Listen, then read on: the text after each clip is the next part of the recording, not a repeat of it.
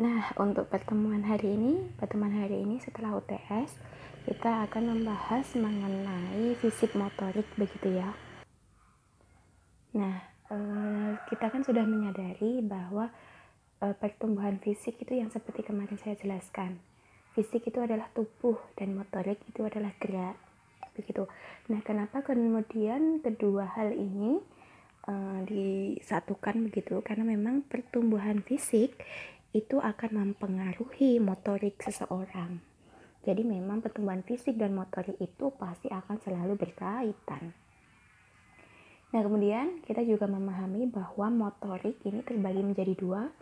Ada yang namanya motorik kasar dan motorik halus. Saya rasa ini teman-teman sudah di luar kepala begitu.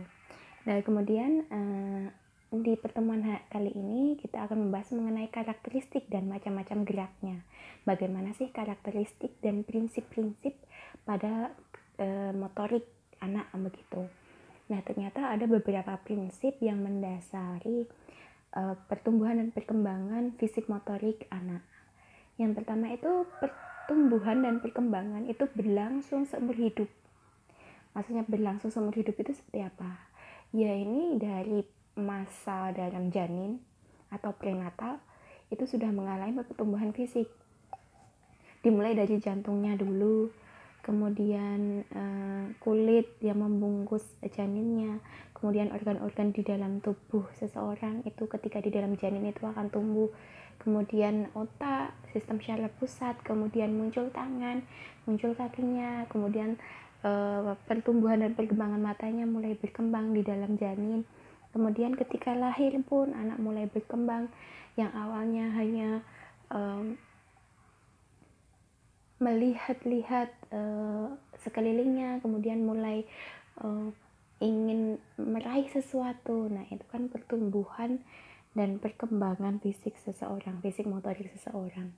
Kemudian mulai tumbuh dan berkembang seiring berjalannya waktu usia. Bahkan ketika uh, anak ini tumbuh ketika TK, kemudian masuk ke SD, SMP, SMA. Bahkan ketika dewasa pun pertumbuhan dan perkembangan fisik itu akan mengalami e, perkembangan. Jadi perkembangan itu akan e, selama hidup begitu dan meliputi e, seluruh aspek perkembangan. Jadi selain fisik motorik juga akan perkembangan-perkembangan yang lain. Nah, kemudian setiap anak itu memiliki kecepatan tempo dan kualitas perkembangan yang berbeda-beda. Begitu. Nah, ternyata perkembangan itu salah satu prinsipnya juga adalah memiliki uh, pola tertentu yang bisa diramalkan. Contohnya, ketika kita memiliki bayi, apa sih yang dilakukan ketika bayi awalnya meraih sesuatu, menendang secara tajak begitu. Kemudian anak mulai e, menggulingkan badannya begitu, mau tengkurap. Nah, itu sudah ada tahap-tahapannya. Kemudian di usia satu tahun anak mulai belajar berjalan. Di bagian Indonesia barat, tengah, kemudian di bagian timur usia satu tahun itu hampir sama usia satu tahun adalah usia-usia anak untuk belajar untuk berjalan begitu. Dan bahkan di sekeliling dunia pun juga akan memiliki pola yang sama polanya tertentu dan sama begitu. Di belahan bumi mana pun bahwa ternyata di usia satu tahun itu adalah e, kegiatan anak untuk belajar berjalan begitu. Nah, itu kan usia-usianya begitu. Dan semuanya itu memiliki pola yang hampir sama. Nah, ini kemudian kita di Indonesia itu ada rumusan STPP-nya atau capaian-capaian yang seharusnya uh, dicapai oleh anak di usia tertentu begitu. Nah, karena apa? Memiliki pola yang uh, relatif sama dan memiliki pola-pola tertentu begitu. Namun walaupun begitu, setiap anak itu juga memiliki kecepatan, tempo, dan kualitas yang berbeda-beda. Nah, contohnya bagaimana? Contohnya ketika anak usia satu tahun itu nggak klek satu tahun pas mereka bisa jalan semua. Ada yang uh, satu tahun kurang satu bulan. Jadi sudah 11 bulan atau bahkan 10 bulan itu sudah mulai belajar uh, di tetah gitu. Tapi ada juga anak-anak yang kemudian uh, baru 13 bulan 14 bulan bahkan satu setengah tahun itu baru belajar berjalan begitu. Nah, walaupun relatif sama, namun memiliki keunikannya masing-masing. Jadi jangan sampai kita sebagai orang tua itu sering membeda-bedakan atau sering membanding-bandingkan anak satu dengan anak yang lain. Karena apa? Masing-masing anak itu mempunyai waktunya masing-masing. Begitu. Nah, kemudian bagaimana cara kita mendeteksi dini apakah anak ini mengalami keterlambatan atau tidak? Contohnya, ketika usianya masih satu setengah tahun kok anak sudah menunjukkan eh, perilaku untuk berjalan pengen merayap gitu pengen apa ya meraih sesuatu kemudian ingin berjalan satu setengah tahun ya itu itu berarti anak sudah memiliki potensi untuk berjalan. Namun ketika masih dua tahun kok masih duduk terus nggak ada keinginan untuk berjalan nah itu yang bisa menjadi deteksi dini kita bahwa apakah anak ini mengalami keterlambatan atau tidak. Bahkan sampai dua tahun dua tahun setengah kok belum bisa menunjukkan uh, keinginan untuk berjalan. Nah kita sebagai orang dewasa harusnya bisa uh, bekerja sama dengan ahlinya. Ahlinya itu siapa? Boleh ke dokter anak boleh ke dokter fisiologis di bagian kaki. Apakah anak ini mengalami cedera di bagian kaki atau seperti apa? Nah, ini yang harusnya kita lakukan. Namun ketika masih satu tahun dua bulan kok belum bisa uh, berjalan dengan lancar begitu itu tidak usah dibanding-bandingkan nah ini namanya uh, memiliki kecepatan tempo yang berbeda-beda begitu kemudian ada juga berlangsung uh, dari kemampuan yang bersifat umum menuju ke sifat yang lebih khusus. Contohnya ketika berjalan kan anak lebih banyak uh, berkelok-kelok begitu.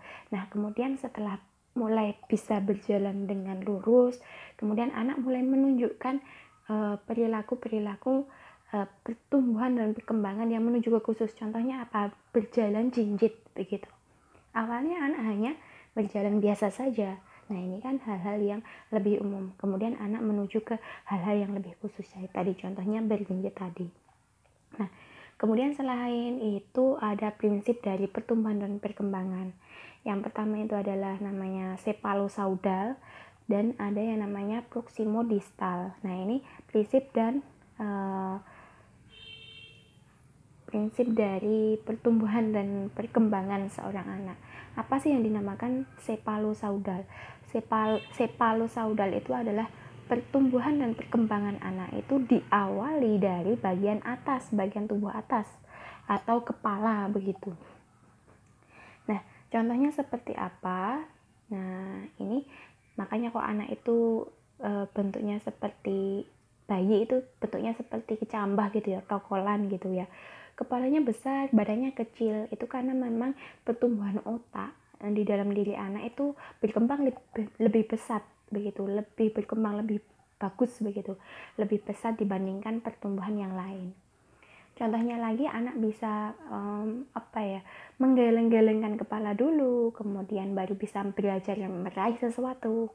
Jadi kalau ada mainan diraih begitu. Nah, kan itu kan dari kepala dulu, kemudian di bagian tangan. Kemudian anak baru bisa menggunakan kakinya. Anak bisa mulai belajar uh, berjalan begitu. Setelah dia bisa meraih sesuatu dengan uh, bagus begitu. Ketika dia meraih sesuatu, kemudian anak mulai menggunakan kakinya untuk berjalan begitu. Demikian juga di bagian wajah, itu pasti bagian atas dulu. Contohnya apa? Anak bisa memfokuskan sesuatu terlebih dahulu sebelum anak itu bisa belajar um, babbling atau menguceh begitu.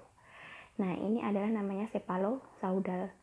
Kemudian ada yang namanya proximodistal. Proximodistal itu pertumbuhan dan perkembangan diawali dari pusat tubuh seseorang. Maksudnya apa? Anak mulai belajar untuk mengkoordinasikan tubuhnya dulu kemudian keluar dari tubuhnya yaitu lengannya. Jadi anak itu mulai belajar untuk melempar kemudian menangkap sesuatu. Kemudian di bagian akhir anak baru menggunakan jari-jarinya untuk uh, bisa dikoordinasikan jadi sebenarnya pertumbuhan yang harusnya di apa ya di awal uh, kehidupan anak itu adalah fisik motorik kasar dulu. Melempar menendang kemudian uh, menangkap uh, kemudian begitu nah kemudian baru anak itu melanyahkan di bagian jari jemarinya Nah, jadi jemarinya itu apa? Contohnya merobek, kemudian menggunting, kemudian meremas sesuatu. Nah, kemudian baru di bagian menulis begitu.